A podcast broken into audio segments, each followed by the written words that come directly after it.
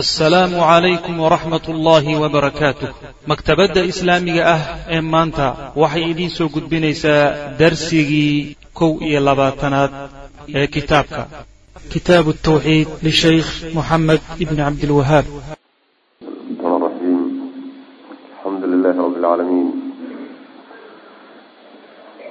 العاقبة للمتقين ولا عدوان إلا على الظالمين وصلى اللهم وسلم على نبينا محمد وعلى آله وصحبه أجمعين أما بعد باب ما جاء في السحر وباب يهي وحي كيمد سحر كدحديث معناها وحي أدلة أما أحكام أه ee sixirka ku soo aroortay ayaa meesha lagaga hadlaya kitaabka saan horey u soo sheegnay tawxiidkuu ka hadlaya marka sixirka waxaa loo soo geliyey. Sixirka qeybihiisa ayaa waxaa ka mid a qaar shirki ah oo diinta looga baxo. Kitaabkuna wuxuu ka hadlayay tawxiid iyo shirki buu ka hadlayay. Halkaasuu marka ka soo gelaya maxaa yeelay sixirka qaybihiisa qaar waxaa ka mid a shayaadiinta la adeegsado. Shayaadiintuna ibni aadamka iyaga maslaxadooda iyo danahooda markay ka dhamaystaan kadib ay u adeegaan oo ay gaalaysiiyaan macnaha. Saas daraaddeed buu sheekhu ayuu macnaha baabkan kitaabka tawxiidka loogu talagalay uu ugu qoray. Baabu ma jaa fi sixri qawli llahi tacaala iyo odhahdii ilaahay uu yihi walaqad calimuu laman ishtaraahu ma lahu fi laakhirati min khalaaq walaqad calimuu xaqiiqee waxay ogaadeen laman ishtaraahu ciddii iibsata. Yani ciddii qaadata way sixirka maa lahu inaysan usugnaanin fi laakhirati aakhare dhexdeeda min khalaaqin wax nasiib ah wax dheef ah inuusan aakhare ku lahayn ayay ogaadeen macnaha ninkii sixirka qaata sixirka marka luqa ahaan waxaa la yidhahdaa wax walba oo qarsoonaada sababkiisana aan la garanayn sababkiisuu qarsoon yahay sixir baa la yidhahda saas daraadeed baabkan baab ka dambeeya waxay noo geedi doonaa baabu anwaac min asixir xataa shaygu hadduu iska banaan yahay oo uusan dhib lahayn laakiin sababka keenay uu qarsoon yahay luqa ahaan sixir baa la dhihi karaa luqa ahaan laakin sharcan ma aha luqada waa saa xagga sharcigu sixir wuxuu u yaqaano laba qaybood buu sixirku u qaybsamaayo. Qayb waxa weeye waa yani dadkan saaxiriinta baa isticmaalo waxa weye waxbay waxbay akrinayaan waxbay gunguntayaan waxna way ku dul akrinayaan. Shayaadiintay marka adeegsanayaan. Shayaadiintii marka waxay ku sallidayaan ruuxii ay doonayeen inay dhibaan markaasa ama jidhkiisa ama qalbigiisa ayay marka dhibaato ugeysanayaan inuu ruuxu bukoodo waa suurtagal inay dilaanna xataa waa suurtagal. Qalbigiisana saameyn bay ku yeelanayaanoo waxa weye waxbay jeclaysiinayaan waxbana way necbaysiinayaan. Waxna way ka duwayaan qalbigiisa waxna way macnaha ku duwayaan. Qayb waa qeybtaaso waxay dhacdaa biwaasitati istikdaami shayaaiin shayaadiintaa la adeegsadaa macnaha iyagaa lagu salidaa dadka qaybta labaadi waxa weeye waa daawooyin iyo wax la qasqasay iyo waxyaalo laysku daray wey waxa laysku dardaray ee laysku qasay baa marka ruuxa la siinaya oo la cabsiinaya markaasaa iyaduna waxay saameyn ku yeelanaysaa qalbigiisa iyo jidhkiisa. Ayay saameyn ku yeelanaysaa macana labadaa qaybood baa marka culimadu u kala qaadaan. Labadii qayboodba waa laga hadli doonaa. Sixirku marka noocaas wey xaqiiqo ma leeyahay oo sixirku wax jira ma yahay. Sixirku waa laba qayboodo qaybina waa markii la yidhaha xaqiiqadiisa ha laga hadlo. Qaybina waa qeybta ibni aadamka in lagu dhibo. Ay u adeegsadaan oo u isticmaalaan. Qeybtaasi xaqiiqay leedahay. Oo nabigeena salawatullhi wasalaamu aleyh xataa waa la sixray. Sida saxiixulbukhaari ku soo aroortay. Nabiga waa la sixray salawatullahi wasalaamu aleyh nin la yidhahdo lubayd ibn lacasam oo yahuudi ahaa yaa nabiga sixray. Markaasaa nabigu sal lay slam sixirku saameyntu ku yeeshay. Waxay ahayd waxbuu is leeyahay waad samaysay mana uusan samayn yani wax hebel waad qabatay buu is leeyahay markuu ruuxii uu damco wixii inuu ku dhaqaaqo. Jaa mar horaabad samaysay bis ohanaya wax. Waabad samaysayba ama waabad samaynaysaaba. Mana samaynayo nabiga salawatullhi wasalaamu caleyhi marka saasaa loo sexray cabaar markii yani waxa weye muddo aan dheerayn markii sixirkaasi hayay baa marka laba malag loo soo diray labadii malag baa midna xagga madaxa ka fadhiisay midna xagga dambe ka fadhiisay gadaasha dambe xagga luga markaasa isweydiiyeen. Ayagii baa iswarsanaya maa wajacu rajul? War ninka maxaa haya? Kii kalea u jawaabo wuxuu yihi matbuubun bihi dibun yani ninku waa waa sixray. Markaasuu yihi oo maxaa yaa sixray? Waxaa sixray buu i ninkii la odhan jiray lubayd ibna casam. Qaabkaasuu u sixray. Wixii uu ku sixrayna ceelka la yidhaahdo macnaha waxa weeye darwaan ceelkaasuu geliyey. Markaasuu nabigu salawatullhi wasalaamu caley amray in ceelka yani la galo laga soo saaro baal ku jira. Waa laga soo saaray guntimo iyo waxyaalo isku isku jir jira. Yaa meesha laga soo bixiyey. Markaasuu nabigu salawatullahi wasalaamu caleyh ka cafimaaday marka sixirku waa xaqiiqo jirta wey. Qaybi waa qeybta qaybina waa qaybaha dadka lagu indha saraxaadiyo wey. Qeybta indhaha dadka lagu indha saraxaadiyo oo xaqaa-idku meesha taalloo muuqato yani in la bedelo wax kale loo bedelay lagu muujinaya taasi xaqiiqo ma laha.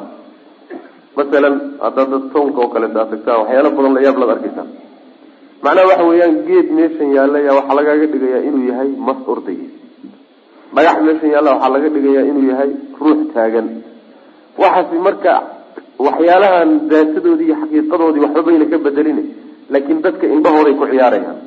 Dadka indhahooda ayay ku ciyaarayaan macnaha wastarhabuuhum waja-u yani waa ki ilahi subxana watacala ku sheegay yani sixir weyn bay la yimaadeen oo dadka indhahoodii indhasaraxaad bay ku rideen marka ma bedeli karaan waxyaalaha ilaahay abuuray siduu ahaa kama bedeli karaan laakiin dadka indhahooday xaqiiqo aan jirin bay tusayaan qaybna qaybtaa wey macana ayadan marka uu sheekhu ugu horreysiiyey oo macnaha uu ku bilaabay baabka walaqad calimuu laman ishtaraahu ma lahu fi laakhirati min khalaq ninka saaxirkaa cidda sixirka isticmaasha aakhare inuusan waxba kulahayn ayay ku tusi. Waxaana nasiibkaa iyo waxaa aakhare uu ku yeelanaya laba qaybood wey in uusan haba yaraatee wax dheefaba kulahayn oo markaa waa hadduu gaal yahay. Waa inoo imaan doontaa xukunkiisii haddii la yihahdo waa gaal maa lahu min khalaaq aslan waxbaba aakhare kuma laha. Iyo in la yidhaahdo yani khalaaq nasiib oo dhan looma diidano aakhare oo dhan waxba kuma laha macnaheedu ma ahe wax weyn baa aakhare dhaafaya. Wax yar buu ku yeelan doonaa wy maana waa haddii la yidhahdo waa muslimo ma gaaloobayo. Xukunkeeduna xukunkiisa wa inoo imaan insha allahu tacala walaqad calimuu xaqiiqe waxay ogaadeen nimankii wax sixri jiray ee sixirka bartay. Laman cidda ishtaraahu iibsata oo qaadata sixirka. Maa lahu inuusan usugnaanin ciddaas fi laakhirati aakhare dhexeeda min khalaaqin wax nasiiba inuusan kulahayn aakhare waxyaalaha la qaadan doono la heli doono inuusan waxba kulahayn ayay ogaadeen nimankii ahlulkitaabka ahaa ee aayaddu ka waramaysay ayaddu marka waxay kutusaysa sixirku inuu macnaha xaaraam yahay. Sidaas weeyaan oo jamiicu ladyaan diimihii ilaahay soo dejiye o dhan sixirku xaaraam buu ku aha macnaha. Culimo fara badan culimada islaamkuna kulligii mujmac bay ku yihiin oo masale la isku khilaafsan yahay maba ahaba. Waxay isku khilaafsan yihiin ninka saaxirka ma gaaloobaya mise ma gaaloobay sixirkiisa ku gaaloobaya mise ku gaaloobi maayo. Labadii qaybood ee sixirka u qaybinay baa fiican in loo kala qaado. Oo la yidhahdo sixirku hadduu yahay kii shayaadiinta ay adeegsadeenna laa shaka inay gaaloobayaan. Maxaa yeele shayaadiinta waxay una adeegsan karaan. Markay iyaga laftoodu shayaadiin noqdaan. Shaydaanka saan horeyba u soo sheegnay. Wuxuu ibni aadamka u adeegaya markuu shaydaan yahay wuxuu ku adeegaya markuu intuu waxyaalo badan shuruud badan kaa xidho. Waxyaalo badan uu ku geliyo dano badan kaa dhamaysto dantuu kaa dhamaysinna inuu ku gaalaysiiyo wey. Markuu marka meel kugu owaado meel kugu xidho yuu kuu adeegi marka. Marka kuwaasi inay gaaloobahayaan shaki kuma jiro shayaadiinta adeegsanayo qaybtaa sixirka ka mid a isticmaalayaan. Kuwaasi waa gaaloobayaan oo sixirkooday ku gaaloobayaan. Aayadaha qur'aankaana sidaa cadaynaya wamaa kafara sulaymaanu walaakina shayaaiina kafaruu. Sulaymaan ma gaaloobina shayaaiintaa gaalowday oo sulaymaan sixir bay ku tumeen nimankii reer yahuudeed inuu saaxir ahaa. Waxaa kaleeto kutusa isla aayadda lafteeda yani inamaa naxnu fitnatun falaa takfur. Fitni iyo imtixaan baana labadii malag. Fitno iyo imtixaan baanu nahay niyow ha gaaloobin oo sixirka barashadiisa iyo qaadashadiisa ha ku gaaloobin. In lagu gaaloobi bay marka kutusi xadiisna waynoo imaan doonta insha allahu tacala marka qeybtaasi way gaaloobi qeybta labaad oo kuwan wax isku dardara oo daawooyinka iyo wax intay qasqasaan dadka cabsiyo sida ku sixiraayo. Ee shayaadiinta aan adeegsanaynin kuwaas iyagu ma gaaloobayaan kuwaas iyagu ma gaaloobayan waa dembi weyno min kabaair dunuub wey ayib ma bannaan tahay in la dilo xukunkiisu muxuu yahay xadda xadda uu leeyahay ruuxa saaxirka. Ruuxa saaxirka waa la dilaya waa in la dilo wey oo haddii muslimiintu ay nadaab leeyihiin oo maxkamad ay leeyihiin waa in la soo qabto. Ciddii lagu ogaado qoorta laga gooyo wey laba siyoodba waa loo dilay hadduu gaal yahayna hade gaalnimaa loo dilay oo qaybtii gaalooday ay yihiin. Haddii qaybta aan gaaloobin ay yihiin gaalnimada ka sokeeyana waxaa loo dilayaa dhibkiisa iyo fasaadkiisa macnaha ummadda laga qabanaya leanna dilka gaalnimo keliyase kuma yimaado ruuxa la dilo. Ee wuxuu ku yimaada hadduu ruuxu fasaad dhulka ka shaqeeyana fasaadkiisa si soo loo soo afjiro ayaa la dili karaa macna marka saaxir laba goraba waa la dili. Sidaasay culimada in badan qabaan wa qawlihi tacaala ayuu baab u yahay wayu'minuuna waxay rumaynayaan. Biljibti yani sixirkay rumaynayaan. Wadaaguut waxyaalaha ilahay ka soo hadhay la raacsanya ama la caabudayo ayay rumaynayaan maana yahuud waay waa nimankii ahlulkitaabka ahaa.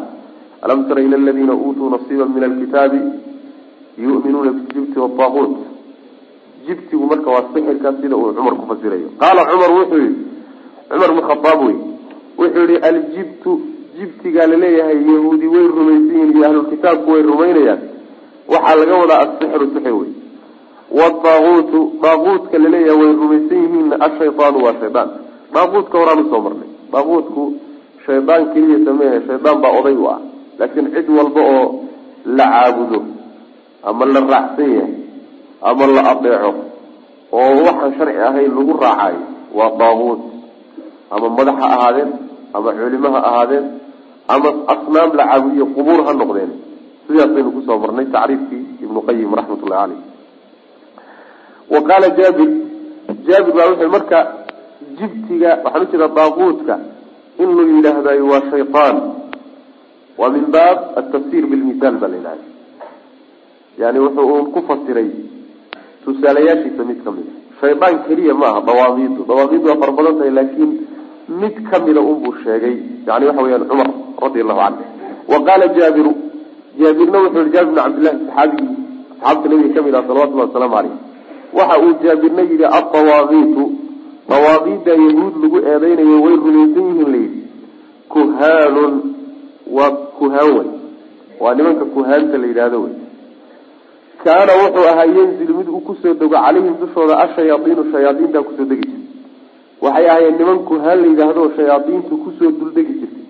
Fii kulli xayin qabiil walba oo qabiilooyinka carbeed ka midana waaxidun mid baa yaa dhex jooga yani qabiil walbana mid bay leeyihiin wy maana kuhaanta wuxuu ku fasiray ujeeda dawaaqiida wuxuu ku fasiray kuhaanta. Kuhaantu waa jamcu kahinin waxay inoo imaan doonta insha allahu tacala baab uu sheekhu inoo samayn doono kahaanada uu kaga hadli doono.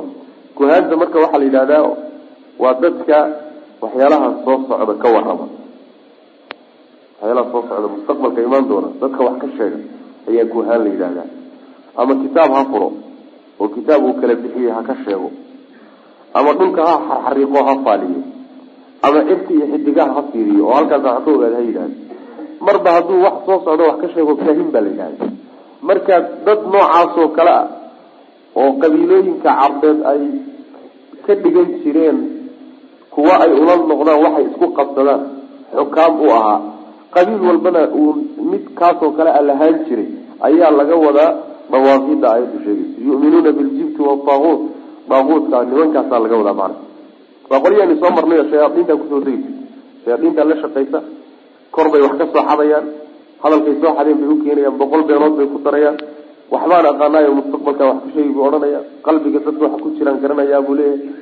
Ruuxii macnaha meesha laga raacay baan garan buu leeyahay. Wahaakada nimankaas adawaaqiitu kuhaanu wey waa niman kitaab gaabloyaal ah oo kaana ahaa yanzilu miduu ku soo dego calayhim dushooda ashaydaanu shaydaankaa ku soo degi jiray.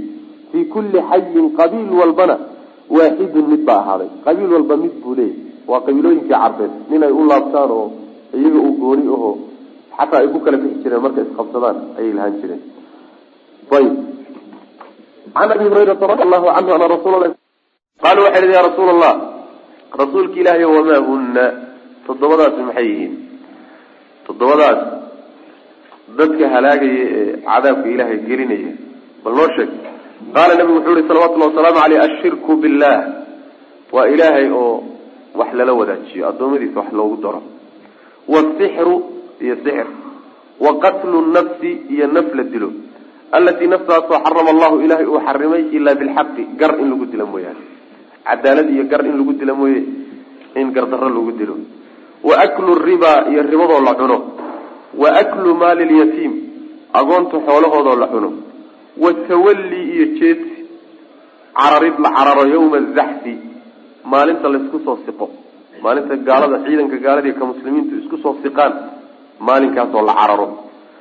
Wa qadfu lmuxsanaat kuwa la ilaaliyey gabdhaha la ilaaliyey oo zine iyo xumaan lagu gano. Alghaafilaati waxa lagu ganayana iskaba halmaansan almu'minaati ee mu'minaadka ah. Gabdhaha tilmaamaha leh oo iyagana zine lagu sheego. Toddobadaa arrimood oo muubiqaad ah oo dadka naarta ku halaagsa iska jira buu nabigu uri salawatullahi waslamu caleyh ijtanibuu marka waa kelimo xeel dheero. Shaygan ka tag haddii lagu yidhahdo iyo haddii lagu yidhahdo ka fogow waa kala gedisan tahay. Ka fogow macnaha agtiisa ka soo dhawaani wey ka tagna waad ag marmari kartaa wey cibaarada marka nabigu adeegsaday salawatullahi wasalaamu caleyh macnaha ijtanibuu wax alla wax jid walba oo idiin soo dhaweyn kara iyo wax walba oo ka agdhow xataa ka fogaada wey sidaas weyaan ko waxaa ka arrimaha iyaga ah ee toddobada shirkiga. Shirkiga waa inagii soo marnay oo ilaahay subxaana watacaala rububiyadiisa cid kale lala wadaajiyo oo la yidhaahdo adduunkan cidaan ilaahay ahayn baa yani abuurtay ama ilahay waa lala abuuray waa lala maamulaa dhib iyo dheef baa lala bixiyaa. Ciid buu uxil saaray oo haysa. Arrimahaasi waa shirki.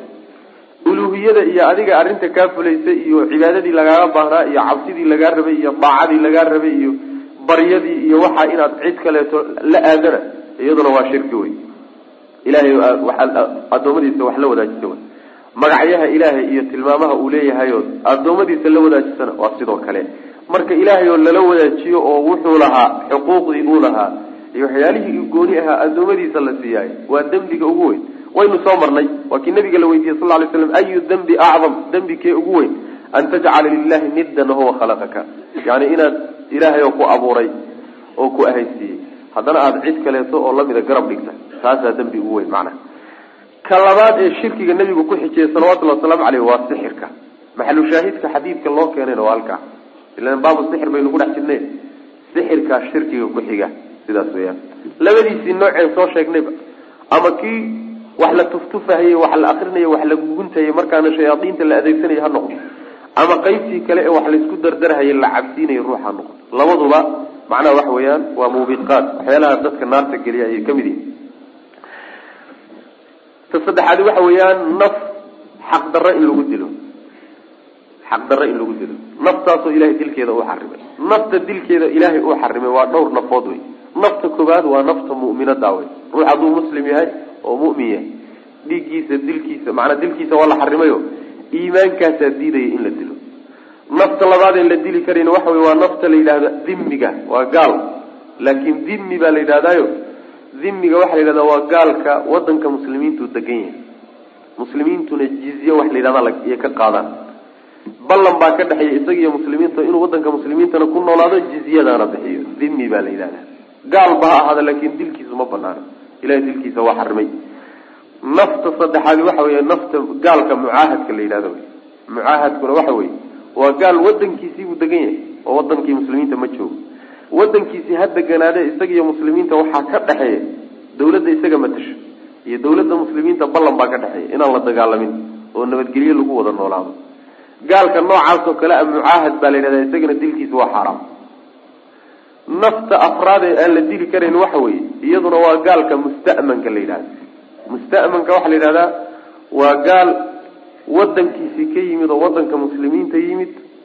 Muslimiintuna ay nabadgeliyo siiyeen inuu wadankooda soo galo muddo gaabanna la siiyey. Ama masalan waxa way arrimo ganacsi buu u imaanaya. Masalan arrimo caafimaad buu u imaanaya. Masalan inuu diinta dhegaysto u imaanaya musta'man baa la yidhahdaa muddo gaaban baa la siiyey nabadgelye la siiyey inuu waddan ku joogo asagana dilkiisu ma banaana afartaa nafood ayuu ilaahay dilkeeda xarimay mid alla midii la dilaba waxa weeyaan waa dembi weyn waay xataa hadduu gaal yahay saas weyaan waa dembi weyn waay marka naftaasi haddii aad disho oo dilkeeda gashana iyadana waa arrin halis waa kaynu soo marnay xaggan ku soo sheegnay culimada qaar baaba qababa ruuxii naf dila oo gardarro ku dilaahay xaqdarro ku dilaahay inuusan tawbadba lahayn sidaas culimada qaar ka mid a qaba ibn cabaas iyo keyrkii ayaa saa ku tegey maxaa yeelay nabigu sal l aayad qur'aanna waa tii ahayd waman yaqtul mu'mina mutacamida fajazauhu jahannam khalidan fiiha. Waqadiba allahu calayh walacanahu waacadda lahu cadaaban cadiima xadiid kale nabigu sal lay waslam wuxuuba leeyahy dembi walba ilaahay inuu dhaafo ayaa laga yaabaa. Ilaa nin gaalnimo ku dhintay ama mu'min intuu kas u dilay ruux muslim intuu kas u dilay ku dhintay mooye labadaa mooyaane dembi kale oo dhan ilaahay inuu dhaafo ayuu mudan yahay. Laakiin sida culimadu u badan yihiin adilada xoogeeduna ay kutusayso waxa weeyaan tawbad wuu leeyahy hadduu tawbad xuman la yimaado. Taaraadi waxa weeyaan in ribada la cuno. Ribada labadeeda qaybood. Midda daynta ku timaada la yidhahda riba nasia oo dayn wax la dul saaray.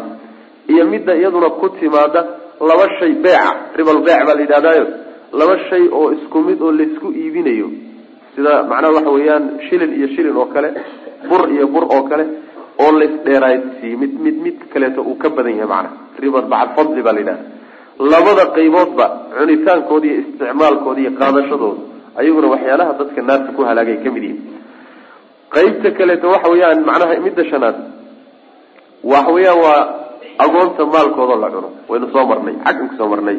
Cunitaan keliya lagama wada isticmaal oo dhan baa laga wada si kasta haddaad dhasho agoonta xoolahooda waa xaaraam waana si ilaahi subxana watacaala uuba ka dhigayba sidii adigoo naar cunahayo oo kale cunitaankaad xoolahooda cunayso.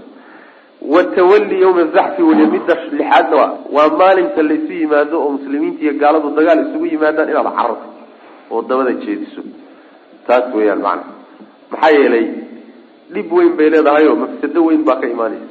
Muslimiintii aad ka carartay oo qalbi jab ciidankii muslimiinta oo qalbi jaba iyo gaaladii oo cararkaaga ku soo dhiirata oo moraalka ugu dhismo ayaa ka imaanaysa.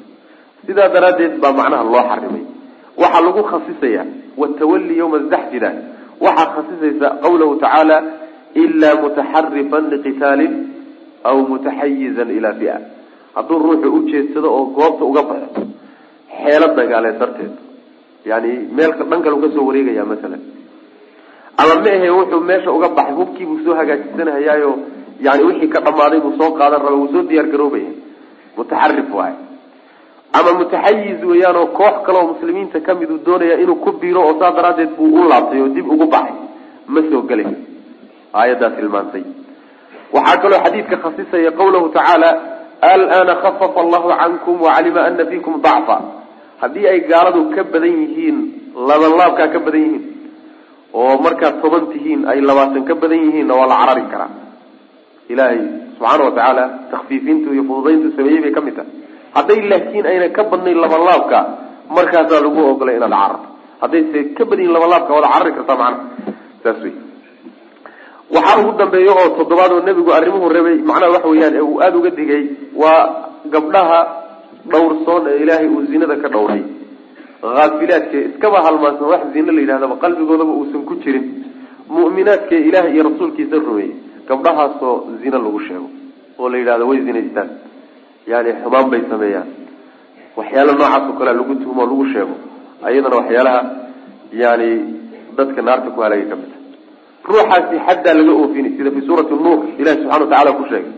Marka labaadna shahaadadiisa la aqbali maayo. Waana basiq ruuxii sidaasoo kaleeta sameeya basiq waay intaasaa laysugu daraya macnaha hadduu ku geeriyoodo isagoon toobad keenina inkaar baa haysata. Marka ma sahlana dadka khaasatan bulshada si fudud baa laysaga yidhaahdaa. Si fudud. Ayaa waxaa laysaga yidhaahdaa kuwan maryaha waaweyn qaba. Habeenkii wax saas iyo saasay sameeyaan oo meelaha intay isugu tagtagaan bay waxyaalaha ku kacaan. Aad bay ufududahay dadka cawaamta inay iskaga hadlaan.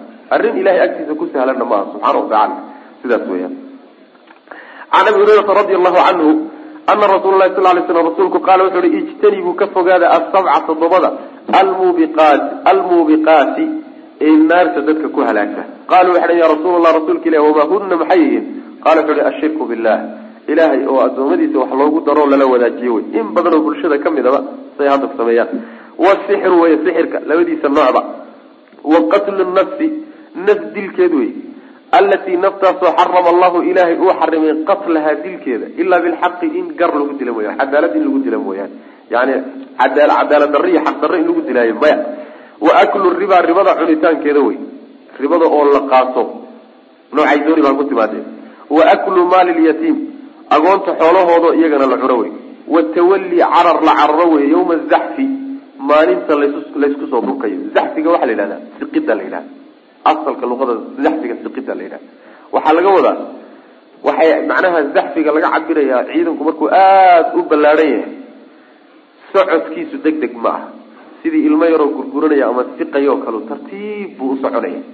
Marka markay muslimiinta iyo gaaladu ay ciidamo xoog badantay isula yimaadaan laysku soo siqoo laysu yimaado markaasaan carar maanaha cararkeeda markaasa la diidan yahay watawalli yawma zaxfi waqadfu lmuxsanaat gabdhaha la dhawray ee zine laga dhawray ama muxsanaadka waxaad tidhahdaa kuwa xorta ah ama almuxsanaat kuwa zine laga dhawray alghaafilaatu ee iskama halmaansanoo waxa lagu sheegayaba aanba warka haynin. Qalbigoodaba kuma soo dhicin inay sameeyaan iska badaaya kuwaas oo la qadfo zine lagu qadfo. Qadfiga waxaa la yidhahdaa inuu ruuxa zine lagu garo oo lagu sheego oo lagu tuumo.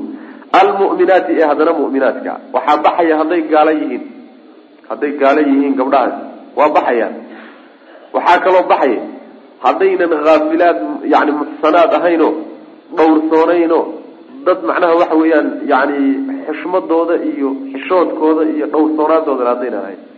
Oo waxaa suuqa jooga haday hadday yihiin ayaa iyadana baxaysa hadday iyagu maxallu tuhma galaan yaa iyadana meesha ka baxaysa maana waxaa soo gelaysa oo haween haweenka qadafkooda lamida siday culimadu u badan yihiin ragga haddaad nin ku sheegto tidhaahdo wuu zinaystay ama xumaantaasuu sameeyey iyaduna waa la mid.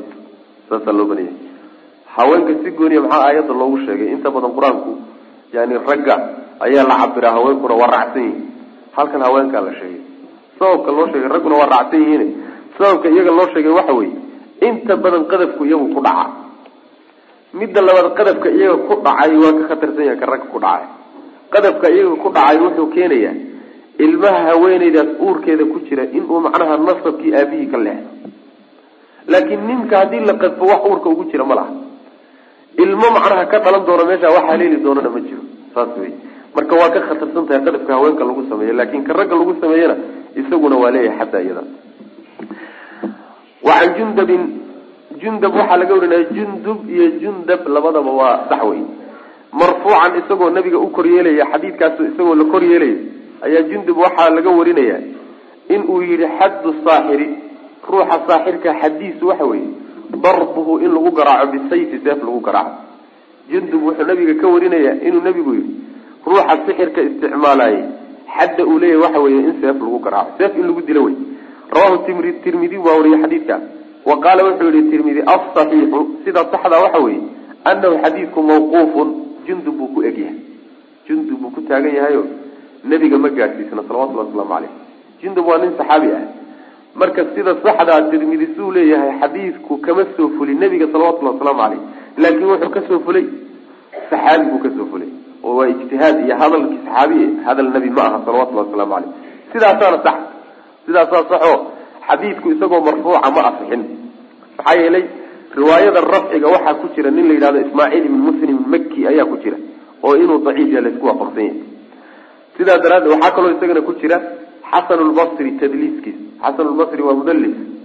Sidaa daraaddeed can ayuu xadiidkan ku wariyey tadliis lxasan iyo dacfu ismaaciil ibn muslim baa labaduba ku jira riwaayada rafciga ee xadiidka nabiga gaadhsiinaysa salawatullahi waslamu caleyh xadiidku marka sax wuxuu ku yahay inuu hadal saxaabi yahay ee hadal nebi uusan ahayn salawatullahi waslamu aleyh saas way maana ayib xaddu saaxiri darbuhu garaacistiisa wey bisayfi seef lagu garaaco in seef lagu dhufto wey macnaha in la dilo ayay xadiisu tahay. Jundubkaasi xadiidka warinaya jundub ibnu cabdillaahi albajali ma aha. Waa nin la yidhaahdo jundub ibnu kacbin alayli. Maxaan ujeeda alazdi oo isagana saxaabi ah. Ayaa macnaha wey ma aha kii yani waxa wey ninkii saxaabigii yani bajaliga ahaa. Ma aha macnaha. Sidaas. Ayib wa fi saxiixi lbukhaari saxiix lbukhaari waxaa ku soo aroortay can bajalata bni cabditana laga warinaya. Qaala wuxuu yidhi yani bajala wuxuu odhanaya kataba waxa wuxuu qoray cumar bnu khataab. Cumar baa wuxuu qoray an iqtuluu dila kulla saaxirin nin walbo wax sixra wa saaxiratin iyo haweeney walbo wax sixirta qaala wuxuu yihi bajala faqatalnaa waan dilnay anagoo amarkii cumar fulinayna halaata sawaaxira saddex sixiroolayaal saddex dadka wax fala ka mid a ayaan dilnay buu yihi macna xadiidkaas matniga saxiixulbukhaariga kuma yaallo. Isagoo lafdigaas sida meesha ka muuqata. Laakiin lafdiga waxaa ku yaalla matniga saxiixulbukhaariga waxaa ku yaalla inuu cumar u kala diray gobollada waagu khaliifka ahaa. Hadalkanuu u kala diray. Fariquu bayna kula dii maxramin min almajuus majuusta waa ummadii macnaha caabudi jirtay ilahay keyrkii majuusta labadii aan isgeyin ee isqabto oo dhan kala fura oo kala caydhiya hadalkaasa saxiixulbukhaariga matnigiisa ku yaalla laakiin hadalkan ah an iqtuluu kula saaxirin wa saaxiratin xaafid ibnu xajar wuxuu yihi oo sharxay saxiixulbukhaariga markuu hadalkaa hore sheegay baa wuxuu yihi wazaada musadadun wa abu yacla fii riwaayatihima musadad iyo abu yacla baa riwaayadooda waxay ku kordhiyeen inuu cumar u qoray sidoo kale gobollada hadalkan ah an iqtuluu kula saaxirin wa saaxira. Hadalkaa inuu u qoray maana. Adigu hadalku laba goroba waa sax oo waxaa wariyey imaam axmed musnadkiisa bayhaqi ibnu xasmi cabdirazaq fi lmusanaf ayaa kulligood soo saaray. Waana macnaha waa saxiix weye wuxuu saxiix ka yahay cumar ibn khataab radi allahu canhu waagii dawladda haystay buu gobollada u kala diray marka waa go'aan uu khaliifatulmuslimiin gaadhay oo saaxir walba haweeney ha ahaado rag lab ha ahaado dhadig ha ahaado wax kasto cid walba wax fasha oo wax sixirta in la dilo. Ayuu cumar radi allahu canhu uu ummadda gaadhsiiyey. Cid ku khilaafsani ma ay jirto. Cid ka hor timid oo arrinkaa ku diiday cumar oo saxaabadii waagaa joogtay iyo fuqahadood iyo culimadii saxaabada ka mida ma jiraan macna. Sidaas weyaan bal waaba la fuliyo wuxuu leeyahay ninkaa macnaha taabiciga hadalkii cumar anagoo fulinaya iyo go'aankiisi anagoo fulinayna yaa waxaan dilay bu ihi saddex sixiroolayaal baan dilay bui saas weyaan waxay ka mid tahay uu ka mid yahay nusuusta loo daliishanayo in saaxirka la dilayo. Ayaa loo daliishan macnaha. Tawbad ma la weydiinaya war tawbadkeen ma la odhanaya intaan la dilin? Waa la kala qaadaya.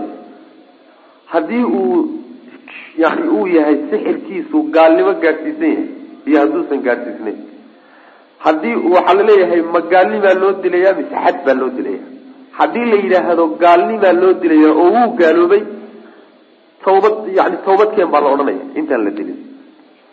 Hadduu tawbad keena waa la iska dayay hadduu tawbad keeni waayana waa la dili.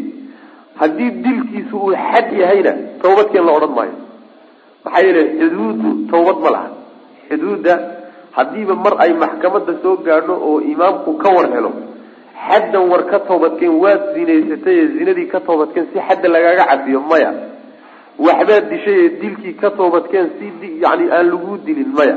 Xuduudda sideedaba hadday soo gaadho macnaha waxa weeyaan mas'uuliyaadka iyo jihada mas'uulka hadday soo gaadho iyadu toobad ma laha. Waa lagugu oofin un laakiin gaalnimada iyo riddada iyo iyagu toobadkeen baa laodhanaya ruuxa macnaha. Saasaa marka loo kala qaaday. Wasaxa waxaa ka asaxay can xafsata radi allahu canha xafsa waxaa ka asaxay annaha iyadu amarat inay amartay biqatli jaariyatin gabadh yani jaariyad ah jaariyad dilkeed ayay amartay saxaradha oo sixirtay yani xafsa waa gabadhii cumar bn khataab radi allahu canhu nabigeena xaaskiisa ahayd ee umulmuminiin ahayd sal alay waslam marka gabadh jaariyad u ahayd baa sixirtay markaasay amartay in la dilo faqutilat waa la dilay gabadhii wax sixirtay wakadalika sidaasoo kale saaxirka in la dilayo dilka saaxirka ayaa saxa waxaa ka asaxay isagana can jundab. Saxaabigana way ka asaxay macnaha waxa weye xabsa oo cumar gabadhiisa ahayd oo nabigana salawatulli wasalaam xaaskiisa ahayd oo hooyadeen ah ayaa iyadana waxay amartay haweeney wax sixirtay in la dilo. Sidiibaa iyadana lagu fuliyo waa la dilay. Hadalkii hore cumar buu ka soo arooray kana wuxuu ka soo aroray xabsa waxaa kaloo isaguna hadalkaasi ka asaxay dilka saaxirku wuxuu kaloo ka asaxay saxaabiga la yihahdo jundub. Jundubkaasi ma aha isaguna jundub bin cabdillahi albajri waa kii haddaan soo sheegnay. Waxaa loo yaqaanaa oo caan ku yahay qaatilu saaxir. Wuxuuna magacaa kula baxay iyo naanaystaas wuxuu qaatay. Qiso ay kutubta qaarkood soo arooriyaano waxaa jirta. Maalin maalmaha ka mid a nin weliid la yidhaahdo oo madaxdii muslimiinta ka mid ahaa. Yaa isaga oo nin saaxir ah dad aada u fara badan baa meesha jooga weliidkaasina waa ka mid nin saaxira marka hortiisa ku ciyaaraya. Nin ruux buu qoorta ka goynahayaa markaasuu haddana qoorta ku soo celinaya. Dadkuna way daawanayaan. Yani indhaha dadku tusaya waxba kama goynayso weliid nin la yidhahdo madaxda ka mid ah meesha fadhiya marka. Saxaabigan jundub la yidhahdo jundub ibnu kacb ibn asdi baa la yidhahda ayaa marka intuu meeshii yimid oo arkay waxa meesha ka socda isagoo ninna weydiinin seef intuu qaatay buu saaxirkii qoorta ka goyey asagiina waa la xidhay oo weliidkii baa xidhay gadaal dambena waa la iska sii daayay macna. Marka wuxuu caan ku yahay oo lagu yaqaanaa jundab qaatilu saaxir ninkii saaxirka dilay ee meeshii loo wada joogay saaxirka ku dilay ayaa la yidhahdaa macna. Ninkaasu saxaabada nabiga ka mid a salawatullahi wasalaamu aleyh isagana way ka asaxday dilku waa ka asaxay in saaxirka la dilay macna. Qaala axmed wuxuu yihi imaam axmed marka wuxuu yihi can halaatatin min asxaabi nabiy sal la alay slam macnaa waxa weye saxa qatlu saaxiri saaxirka in la dilayo waxay ka asaxday can halaatatin saddex bay ka asaxday oo min asxaabi nabiy sal lay slam nabiga asxaabtiisa ka mid saddexda meeshaan ku soo marnay cumar iyo xafsa iyo iyo jundub saddexdaasay ka asaxday wax khilaafsan oo saxaabada ka midna ma uu jiro saas daraaddeed in la dilayo ama xad ha loo dilo ama gaalnimo ha loo dilay ayaa macnaha waxa weeyaan maaragtay ayaa raajix ah imaamu shaafici isagu wuxuu leeyahay layska dili maayo hadduusan gaadhsiisnayn sixirkiisu ama uusan wax ku dilin ama gaalnimo gaadhsiisnayn saasuu imaamu shaafici isagu maraya. Fiihi masaa'il baabkan masaa'il dhowra ku jirta. Alula masalada koowaadi waxa weye tafsir aayat lbaqara aayadda suurat lbaqara ku soo aroortay oo la fasiro. Waa aayadii baabka uu ku bilaabay. Walaqad calimuu laman ishtaraahu ma lahu fi laakhirati min khalaq. Athaniyatu mas'alada labaadi waxa weye tafsiru aayat nisa aayadda suurat nisa ku soo aroortay iyadana la fasiro. oo iyadana aayadan soo marnay yu'minuuna biljibti wataaguut tafsiirkeeda iyadana soo marray athaalithatu masalada saddexaadi waxa weye tafsiru ljibti jibtiga oo la fasiro iyo wataaguut iyo walfarqu kala qaadid baynahumaa dhexdooda la kala qaado. Maxaa udhexeeya jibtiga iyo daaguutka yani jibtiguna waa sixirka daaguutkuna waa kuhaanta dhe waa kuhaanta ama waa shaydaanka yani sidaasaa loo kala qaaday. Alraabicatu midda afraad waxa wey ana daaguuta daaguutku qad yakunu inuu ahaadaa laga yaabaa min aljini jin inuu ahaadaa laga yaaba waqad yakunu inuu ka ahaadana waa suurtagal min alinsi insi inuu ka yimaadana waa suurtagal. Sidaas way maanaa xageen ka qaadanayna. Xageen ka qaadanayna jinnina inuu noqon karo insina inuu noqon karo. Waxaan ka qaadanaynaa qawlu jaabir wa qawlu cumar cumar muxuu ku fasiray? Wuxuu yihi shayaaiin wey soo ma? Jaabirna muxuu yihi kuhaan wey kuhaankuso binu aadan maaha saas wey labadooda hadal marka la isu geeyo ayaa laga qaadanayaa inuu jinnina noqon karo insina noqon karo macana alkhamisatu masalada shanaad waxa weeye macrifatu sabci toddobadii in la garto. Almuubiqaati ee dadka naarta ku halaagayay almaksuusaati ee lagu gooni yeelay binahyi reebitaanka nebiga salawatullhi wasalaamu caleyh toddoba arrimood oo nebigu si gooniya u reebay oo dadka naarta gelisa ayagana in la barto oo la garto. Waynu soo marnay. Asaadisatu masalada lixaad waxa wey ana saaxira ruuxa saaxirkii yakfur wuu gaaloobaya. Saaxirku inuu gaaloobaya laga qaadan oo xagee laga qaadan iyadana waxaa laga qaadanayaa nusuustaynu hadda soo marnay waxaa ku cad aayaddii ugu horreysay. Walaqad calimuu laman ishtaraahu maa lahu fi laakhirati min khalaaq. Aayadda qaybaheeda kale haddii la firo ayaddu way dheer tahay. Waa nusuus kalaa ku cad oo falaa takfur iyo wamaa kafara sulaymaanu iyo waa nusuus ku cad wey inuu gaaloobayo laakiin intuu hadda sheegay sheekhu waxaa ku cad maa lahu fi laakhirati min khalaaq. Maxaa yeelay aakhare waxaan nasiib ku lahayn oon dheef ku lahayn ha yaraatee ama ha weynaatee waa gaal. Ruuxa muslimkaa dembi kasta uu galaayo. Aakhare wax unbaa u jira laakiin ruuxaan aakhare waxba uga olini waa gaal wey w asaabicatu masalada toddobaadi waxa weye anahu yuqtalu saaxirka waa la dili walaa yustataabu tawbadkeenna la weydiisan maayo. Laga codsan maayo inuu tawbad keene markaba qoortaa loo dheerayn. Oo xaggee iyadana laga qaadan. Yani waa la dili waxaa laga qaadanayaa aahaartii faraha badnayd ee saxaabada ka soo aroortay saddexdii saxaabi aahaartii ka soo aroortay baa laga qaadanaya macna ayib waxaan tawbad loo weydiinaya laga aqbalaya mise laga aqbali maayo? Saaxirka wasaxiixu in tawbada laga aqbalayo saasaa sax. Hadduu toobad keeno toobadda waa laga aqbalay. Laakiin meeshan waxa weeye markii maxkamadda la hor keeno oo noqoto in xugum la saaro markaa tawbadkeen ma la odhanaya mise la odhan maayo? La odhan maayo mana waa la dili un maxaa yeelay markaa wuxuu sheeku ka dhigaya dilkiisu inuu xad yahay. Ee uusan ahayn kufri ahayn. Dilkiisu hadduu xad yahay unbaa la odhanaynin tawbadkeen laakiin hadduu gaalnimo yahay saa daraaddeed baa farqiga udhexeeya dilka riddada kay ku yimaada ruux islaamka ka laabtay dilka la dilaayo. Iyo dilka ku yimaadaayo ruuxu dembi uu galay isagoo muslim ah farqigaasaa udhexeeya kan gaaloobay istitaabaa la weydiini qabla alqatl. Kan laakiin xuduudda sharciga mid kamida ku dhacay ee muslimka ah marba hadduu maxkamadda yimaado tawbad la weydiin maayo waa uun laga oofinaya xadda macna. Athaaminatu masalada sideed waxa weeye wujuudu haada arrinkaasi wujuudu haada kaasi inuu joogo waa saxiirkee fi lmuslimiina muslimiinta dhexooda inuu jiray calaa cahdi cumara cumar waktigiisii fa kayfa bacdahu? Ka waran marka cumar kadib. Haddiiba cumar xilligiisii saaxiriin fara badan ay soo baxeen oo cumar uu wareegto soo saaroo la uu yihi meeshii lagu arkaba ha la laayo waagii cumar ba hadday saa u bateen. Maxaad u malaynaysaa cumar kadib cumar waagiisii waa waagii saxaabadii waaweynaa ay joogeen oo ardadii nebigu sal lay slam ay joogeen oo waa quruuntii ugu fadli badnaa. Sidaas wey oo cilmigu uu muntashir ahaa oo jahligu uu yaraa.